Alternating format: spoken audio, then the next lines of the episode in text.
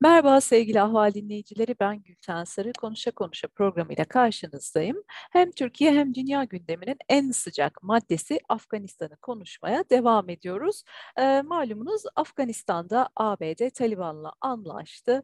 20 yıllık süren işgalini, savaşını bıraktı. Askerlerini bir anda ülkeden çekti. Taliban e, kimileri tarafından El-Kaide'den farksız olarak görülen şeriat yönetimini kuracağını açıklayan Taliban e, ülke yönetimine el koydu. Cumhurbaşkanı ülkeden kaçtı.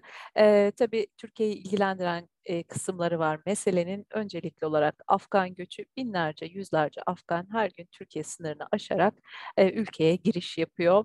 E, diğer taraftan da Türkiye ile ABD Kabil Havalimanı'nın hem korunması hem de işletilmesi konusunda anlaşmıştı. Ancak son günlerde gelen haberler e, Taliban'ın ülkeyi tamamen kontrol altına almasıyla anlaşmanın kadük konumuna düştüğü, kartların yeniden karıldığı ve Türkiye'nin bu durumda konumunu yeniden belirlemek zorunda kalacağı Taliban'la bu anlamda masaya oturmak için zaten Cumhurbaşkanı Tayyip Erdoğan'ın söylemlerini izliyorsunuzdur. Sıcak mesajlar veriliyor. Aramızda pek fark yok diyor Tayyip Erdoğan Taliban'a. Taliban'dan da aynı sıcaklıkta mesajlar geliyor. Türkiye'yi dost olarak görüyoruz diyor.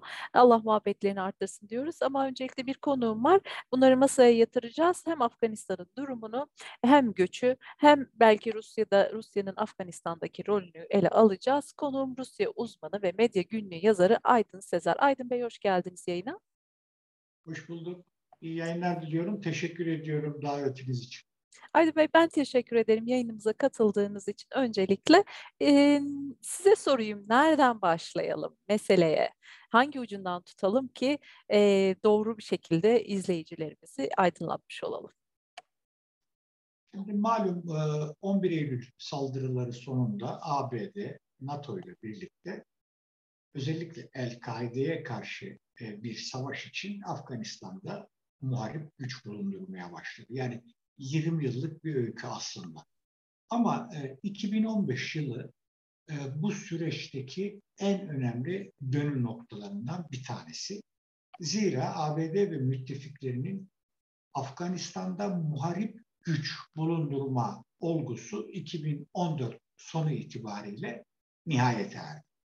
2015'ten itibaren ki varlık sebebi ise kararlı destek misyonu adı altında muharip olmayan sadece Afganistan ordusunun kapasitesini geliştirmeye yönelik eğitim ve danışmanlık hizmetleri verilmesine olanak sağlayan yeni bir süreçti. Birçok analist 2001'den 11 Eylül'den bugüne kadarki süreci kesintisiz bir süreç olarak anlatıyor. Öncelikle burada bu farkı net bir şekilde ortaya koymamız gerekiyor. Yani son beş senedir, beş buçuk senedir oradaki süreç muharip olmayan bir görev tanımı çerçevesinde yürütülüyor. Türkiye'de bu yeni dönemde 2015'ten itibaren ikişer yıllık sürelerle uzattığı tezkerelerle bu kararlı destek misyonu içerisinde görev yapıyor. Yani bizim bazı analistler Türk askeri orada e, sadece geri hizmet yapıyor şeklinde bir ifade kullanıyorlar. Son beş yıl için bu sadece Türkiye için değil, tüm ülkeler için böyle. Birinci nokta bu. İkincisi, ABD 2020'de Trump döneminde Afganistan'dan çekilme kararını yürürlüğe koyarken kritik tarih olan 29 Şubat 2020'de aynı gün Taliban'la ayrı, Afgan İslam Cumhuriyeti yönetimiyle ayrı iki anlaşma imzaladı.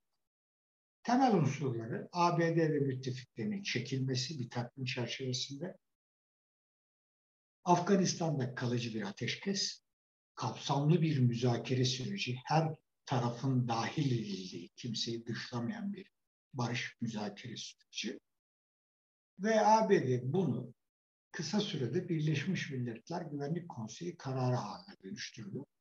Rusya'nın ve Çin'in de oluruyla 10 Mart 2020'de elimizde bir de Birleşmiş Milletler kararı ortaya çıktı. 2513 sayılı karar.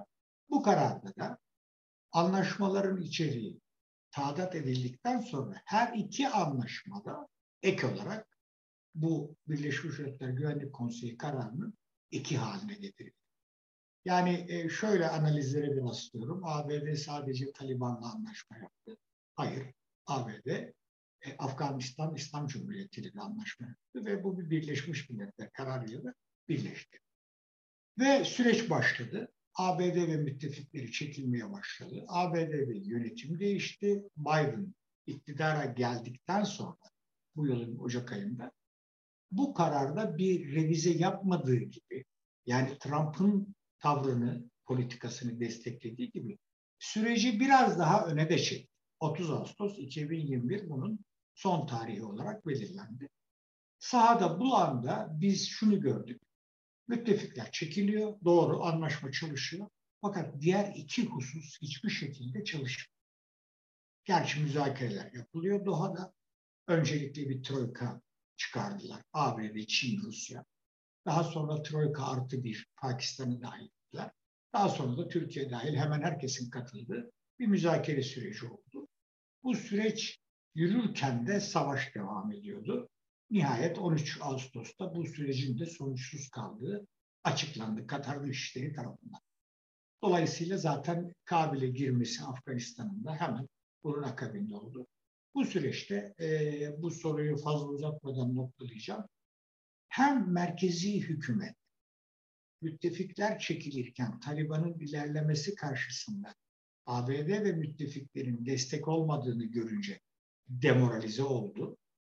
30 Ağustos'tan sonra tamamen çekildiklerinde Taliban'la baş başa kalacaklarının korkusuyla tavır almadılar, savaşmadılar, mevzilerini terk ettiler. Büyük bir sürpriz yaşadılar. Taliban da böyle bir sürpriz karşısında onlar da bir sürprizle karşılaştı. İlerlerken ABD ve müttefiklerinin tavır almadıklarını görünce onlar da resmen savaşmaksızın yürüyerek mevziyi kazanmaya devam ettiler. Ve birkaç gün önce Kabil kapılarına kadar dayandılar. Şimdi burada Afgan ordusunun niteliği üzerinde yorumlar yapılarak neden savaşılmadığı üzerinde. İşte Afgan ordusunun niteliği, Afgan ordusunun sayısının abartılması, ulus bilincinin olmaması, parayla savaşan askerlerden oluşması, zaten Afgan milletinin tırnak içinde bir millet bile olmadığı gibi birçok e, neden ortaya koyuluyor. Bunların tümünde haklılık payı var. Ama asıl neden hem Taliban'ın hem Afgan güçlerinin müttefiklerin bu çekilmeleri, ben bu çekilme kelimesini kullanmıyorum bilinçli olarak, kaçmaları, Afganistan'ı terk etmeleri, plansız programsız bir şekilde terk etmeleri. Yani ABD'nin öngörüsüzlüğü, CIA'in 20 yıldır bulunan sahayla ilgili raporlarının e, berbat oluşu neticesinde böyle bir sonuçla karşılaştık. Tabi burada 2000 e, özellikle 2018-2019'dan itibaren ama biraz daha öne alırsak yani e, NATO ve ABD'nin muharip güç kullan, bulundurmama kararından 2015'ten itibaren Rusya'nın bölgede son derece etkin bir politika izlediğini ve Taliban'ı terörist örgüt saymasına rağmen Taliban'la temastan hiç vazgeçmediğini. Dolayısıyla bu, burada işin içinde bir de Rusya gerçeği var. Bunu Amerika çok geç e, gördü, fark etti ya da kabul etti. E, Rusya'nın Taliban'ı terörist örgüt saymasıyla arada herhangi bir temas olamayacağını düşündüler, öngördüler. Ancak 2018'de fark ettiler. Rusya'nın Taliban'ı desteklemesini ya da destek. Peki Aydın Bey, madem bu noktaya temas ettiniz, Türkiye sorusuna daha sonra gelelim o halde. Ee, Rusya ile ABD hemen her sorunlu bölgede artık bir şekilde e, karşı karşıya gelmeye ya da birlikte hareket etmeye yeri geldiği zaman zorlanıyor gibi görünüyor. Libya'da, Suriye'de, e, Afganistan'da. Yani aslında bu küresel hegemonya mücadelesi e, güçler e, denk olmasa bile çeşitli ülkeler üzerinden yine sürdürülüyor gibi görülüyor. Afganistan bu bağlamda bu mücadelede neye işaret ediyor, neyi temsil ediyor tam olarak siz durduğunuz yerden bakınca? Öncelikle e, elbette e, süper güçler ya da ABD ile Rusya arasında e, oran e, güç dengesine bakıldığı zaman ABD ile yine çok şey söylememiz gerekiyor. Fakat Rusya ile ABD arasında kanımca temel fark ABD'nin neredeyse son 5-6 yıldan beri devlet aklıyla, kurumsal kapasiteyle, ortak akılla hareket etmediği yönünde. Rusya'da tam tersi hala Sovyet geleneğinden gelen kurumsal ve devlet aklı, kurumsal yapıyla ve devlet aklıyla e, aklıyla hareket eden bir yapı sergiliyor. Dolayısıyla Rusya her zaman son olaylarda, belirttiğiniz olaylarda ABD'nin karşısında en azından eşit bir aktörmüş gibi oturabiliyor. Birincisi bu. İkincisi, bugün Sovyet'le e, Rusya'yı yöneten kuşak, Putin, Lavrov, Shoigu kuşağı, Sovyetler Birliği'nin yetiştirdiği sondan bir önceki kuşak. Yani hepsi Sovyetler Birliği ilkeleri, disiplini ve eğitimiyle e, yoğrulmuş. Her ne kadar son 30-40 senedir farklı bir e, rejim altında olsalar da mazilerini hep hatırlarında canlı tutan bir kuşak ve tümünün bir Afganistan travması yaşadığı bir kuşak. Dolayısıyla e, bu jenerasyon Sovyetler Birliği'nin tarihindeki en büyük yenilgi olarak görülen Afganistan'dan çekilme ve Afganistan kayıplarını canlı şahit olmuş bir kuşak. Bilinç şartlarında bir Afganistan var. Özellikle de Şoygu'da var. Çünkü Şoygu Sovyet döneminde Kabil'de görevli bir e, kişiydi. Kendi mesleği inşaat mühendisliği ama Kabil'de ben inşaat mühendisliği yaptığını açıkçası düşünmüyorum. Zaten Şoygu Afganistan yenilgisinden sonra Sovyetler Birliği Komünist Partisi'nde de görev almış bir kişi. Yani daha da inançlı olarak döndüğünü buradan anlayabiliriz. Birinci nokta bu. İkincisi, Taliban 2003'ten beri Rusya'nın terörist örgütler listesinde. Bu bir ilk tarihsel süreçte. Çünkü Taliban'ı bugün bile terörist örgüt sayan zaten sadece 6 ülke var. Batı'da sadece Kanada var. Bunu hatırlatalım. O da Rusya'dan 10 yıl sonra terörist saydı. Dolayısıyla kağıt üzerinde Taliban'la Rusya arasında bir ilişki olmayacağı varsayılabilir, düşünülebilir. Çünkü bir terörist örgüt. Ama gelin görün ki özellikle son 5-6 yılda Rusya'nın Karzai ile Hikmet Yargı ve Taliban'la sürekli temas halinde olduğunu görüyoruz. Hatta o kadar ayyuka çıktı ki bu temaslar 2019 yılı Mayıs ayında Moskova'da Afganistan-Rusya diplomatik ilişkilerinin tesisinin 100. yıl törenlerine Afganistan'daki tüm siyasi unsurlarla birlikte Karzai dahil, dostum dahil e, Mullah Abdul Gani Baradar yani El-Kaide'nin pardon e, Taliban'ın kurucularından ve Taliban'ın Doha'daki e, diplomatik müzakerelerinden sorumlu kişi de beraberinde kalabalık bir Taliban heyetiyle bu törenlere iştirak etti.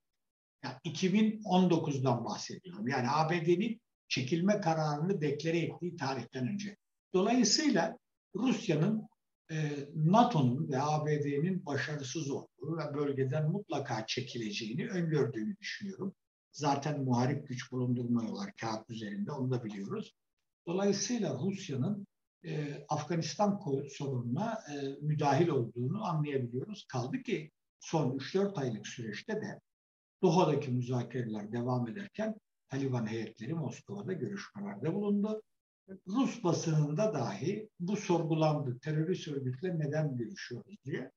Rusya Dışişleri onlar STK'larla görüşmeye geliyorlar şeklinde komik bir açıklama. Amacı ne Rusya'nın peki Aydın Bey? Tam da sizin sormuş olduğunuz soruyla alakalı bu. Ee, özellikle Orta Asya'ya, Orta Asya'daki eski Sovyet Cumhuriyetlerine yakın bölgedeki Afganistan'da bulunan ABD ve NATO gücünün bölgede yapmaya çalıştığını engellemek, o gücün oradan çekilmesinin yöntemlerini ve yollarını araştırmak ve e, ABD'yi tırnak içerisinde orada da bir bozguna uğratmak. Tıpkı Suriye'de olduğu gibi ya da Suriye'de yapılmaya çalışılan gibi. Tıpkı Libya'da olduğu gibi ve bunda da başarılı oldu. Herkes bugün ABD'de Biden'ın ve ABD'nin çekilme sürecini eline yüzüne bulaştırdığını da tartışıyorlar. Evet. Biliyorsunuz ABD'de çekilme kararı yüzde yetmişe yakın bir oranla anketlerde destekleniyor. Buna rağmen tepkiler var. Dolayısıyla Afganistan'da olup bitenin arkasında e, Rusya etkisi, katkısını unutmamak, e, hatırda tutmak gerekiyor. Zaten şu ortaya çıkan yeni koordinasyon, geçici koordinasyon kurulunun yapısına bakıldığı zaman da Karzai ve Doktor Abdullah Abdullah Ulusal Uzlaşma Bilgisi Başkanı ki bu şahsın da defalarca Moskova'ya gittiğini biliyoruz ve diğeri de Hikmet yani meşhur Hikmet yani. Bunun bile bir Rusya e, düşünce tarzını tarzı olduğunu düşünüyorum. Bir de Rusya tabii dış politikada yaptıklarını hiçbir zaman gururla alenen açıkça bir zafer kazanmış edasıyla asla gündeme Sessiz getirmez. ve derinden. Başkalarının buradan zafer çıkarmasının da zeminini hazırlar. Korkarım Türkiye'de şu anda bu süreçte e, Rusya'nın oyun kuruculuğunda aktör olma yolunda Çavuşoğlu yoğun bir temas trafiği yapıyor. Son üç günde 15 e, ülkenin Dışişleri Bakanı'yla 10-15 ülkenin Dışişleri Bakanı'yla görüştü. Peki. Madem Çin faktörü de var. Çok bir son cümle. Burada bir de Çin faktörü var. Tabii. Çin'in önemi şu. Yani Çin'in bilinen iktisadi anlamdaki öneminin ötesinde. Afganistan'daki zengin maden ve mineral yataklarına ilgisinin ötesinde Çin Afganistan'la 91 kilometrede olsa sınırı olan bir ülke ama Çin Birleşmiş Milletler'de daimi temsilci güvenlik konseyi. Dolayısıyla bundan sonra güvenlik konseyinde Taliban ve veya Afganistan aleyhine bir karar alma noktasında bir Çin blokajı söz konusu olacak. Kaldı ki çok yakında Rusya'da e, bir şekilde Taliban'la ilişkisini artık e, resmiyete dökecek. Peki Aydın Bey, Türkiye'nin rolüne gelirsek ya da Türkiye'nin Afganistan'da ne yapmak istediğine gelirsek, şu anki izlediği politikayı nasıl değerlendiriyorsunuz? Bundan sonra hangi seçenekler e, masada Türkiye için? Şimdi Gülten Hanım, biliyorsunuz daha önce birçok konuda sizle söyleşi yaptık. Ben son 10 yıldır Türk dış politikasında herhangi bir yerde, herhangi bir konuda tam olarak neyin amaçlandığına vakıf değil. Yani amacın amaç amacın e, hedefin ne olduğu konusunda gerçekten e, somut bir bilgiye ya da gelişmeye tanık değilim. Herkes son Dağlık Karabağ konusunu gösterebilir. Orada bile değil. Çünkü Dağlık Karabağ sorunu aynen devam ediyor ve Rusya asker yerleşti. Türkiye'de kamuoyuna Azerbaycan'ın işgal altındaki topraklarının statüsüyle Dağlık Karabağ statüsünü aynı paket içinde anlattıkları için Türkiye'de halk özellikle de milliyetçi kesim, özellikle de Rusya'nın yakından takip ettiği ve köpürtmek için sürekli çaba sarf ettiği milliyetçi kesim bir Azerbaycan-Ermenistan savaşından çok büyük bir başarı öyküsü çıkarttı. E, ama Dağlık Karabağ sorunu olduğu gibi duruyor. Bir defa Şuşa hariç onu söyleyeyim.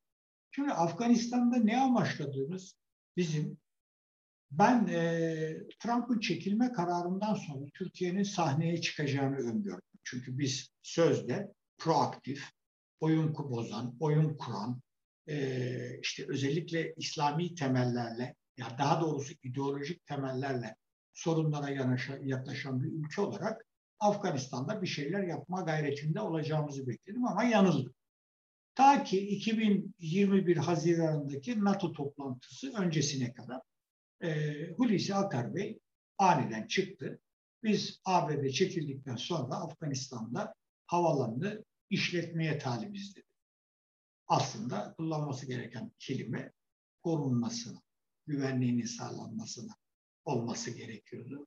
Çünkü 20 yılda bir ülkede bulunup da havalanı işletecek bir yapı oluşturamaması, oluşturulamaması bu Türkiye açısından da NATO, ABD açısından da çok büyük bir ayıp yani. Bir defa bu bunun e, bir anlamda itirafı anlamına geliyor.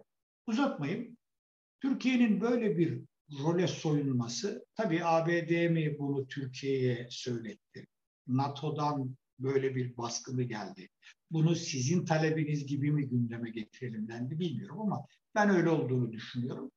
Erdoğan-Biden görüşmesi ve e, o görüşmede ele alınan konular ve e, Beyaz Saray Sözcüsü'nün ya da yanılıyorsam Dışişleri Bakanlığı Sözcüsü'nün ağzından kaçırdığı Erdoğan-Biden görüşmesi ve Afganistan'la ilgili hususlar. Dolayısıyla biz ABD ile ve NATO ile ilişkilerimizi düzenlemek adına Batı'nın yine tekrar sadık bir müttefiki olduğumuzu ispatlamak adına ama asıl ABD'deki dosyaların bertaraf edilmesi ya da ötelenmesi adına böyle bir göreve soyunduk. Ee, ve birkaç gün öncesine kadar da çok iştahlıydı.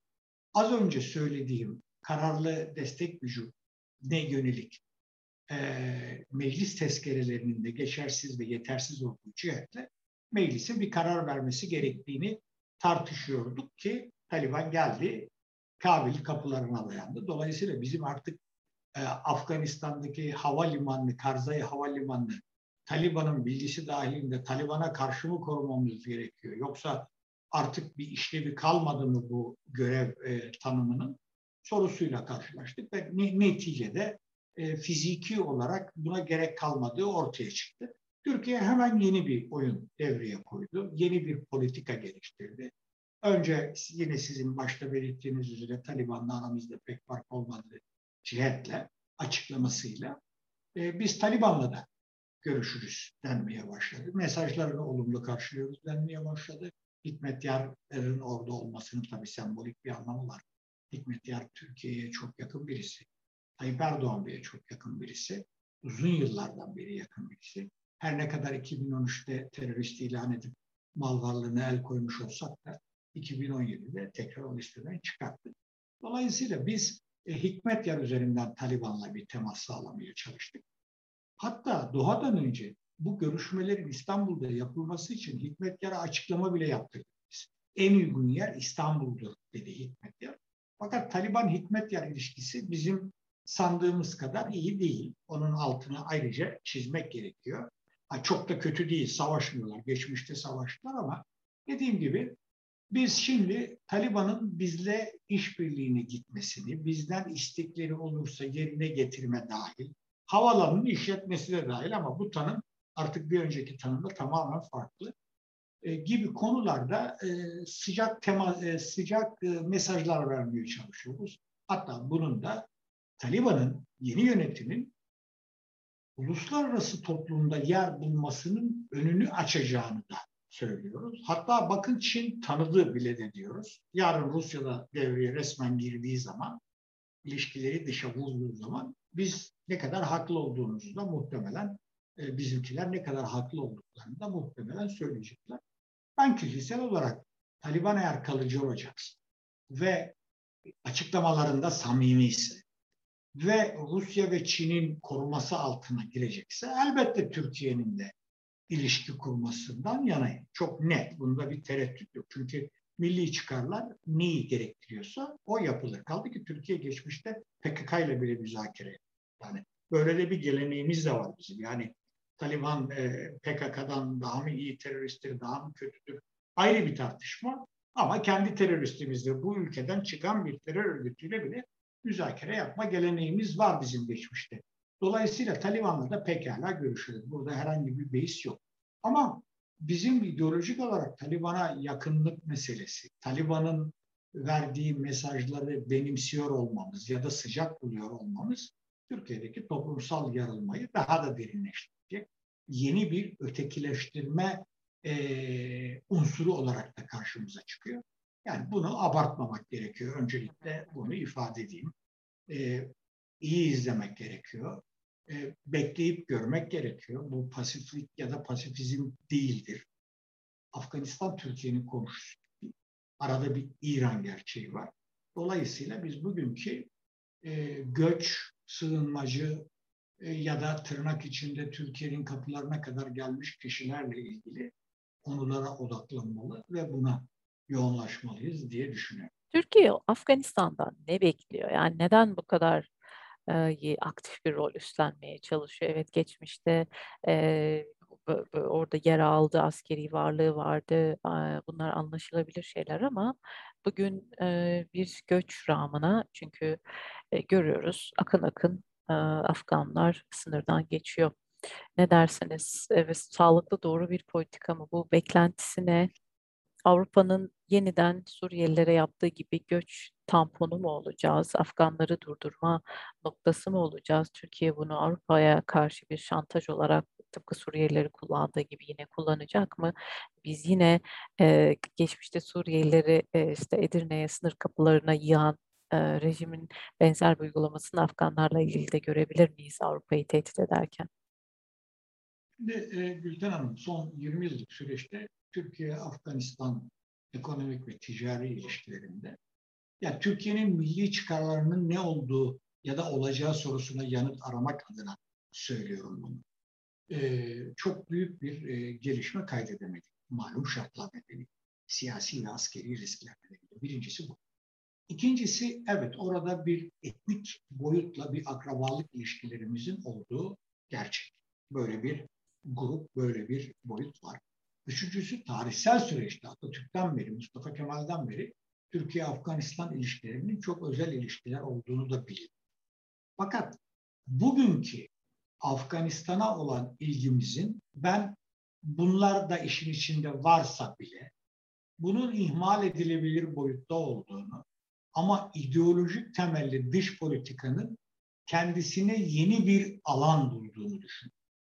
Bu sayede yine bir dış sorun, dış pardon, yine bir dış politika konusu, yine bir e, işin içine askeri birliklerin de katıldığı, tırnak içinde militarist bir boyutun olduğu yeni bir yaklaşımla iç politikada ki birçok konunun ötelenmesinin, tartışılmasının önüne geçecek yeni bir malzeme yaratma gayreti olduğunu düşünüyorum.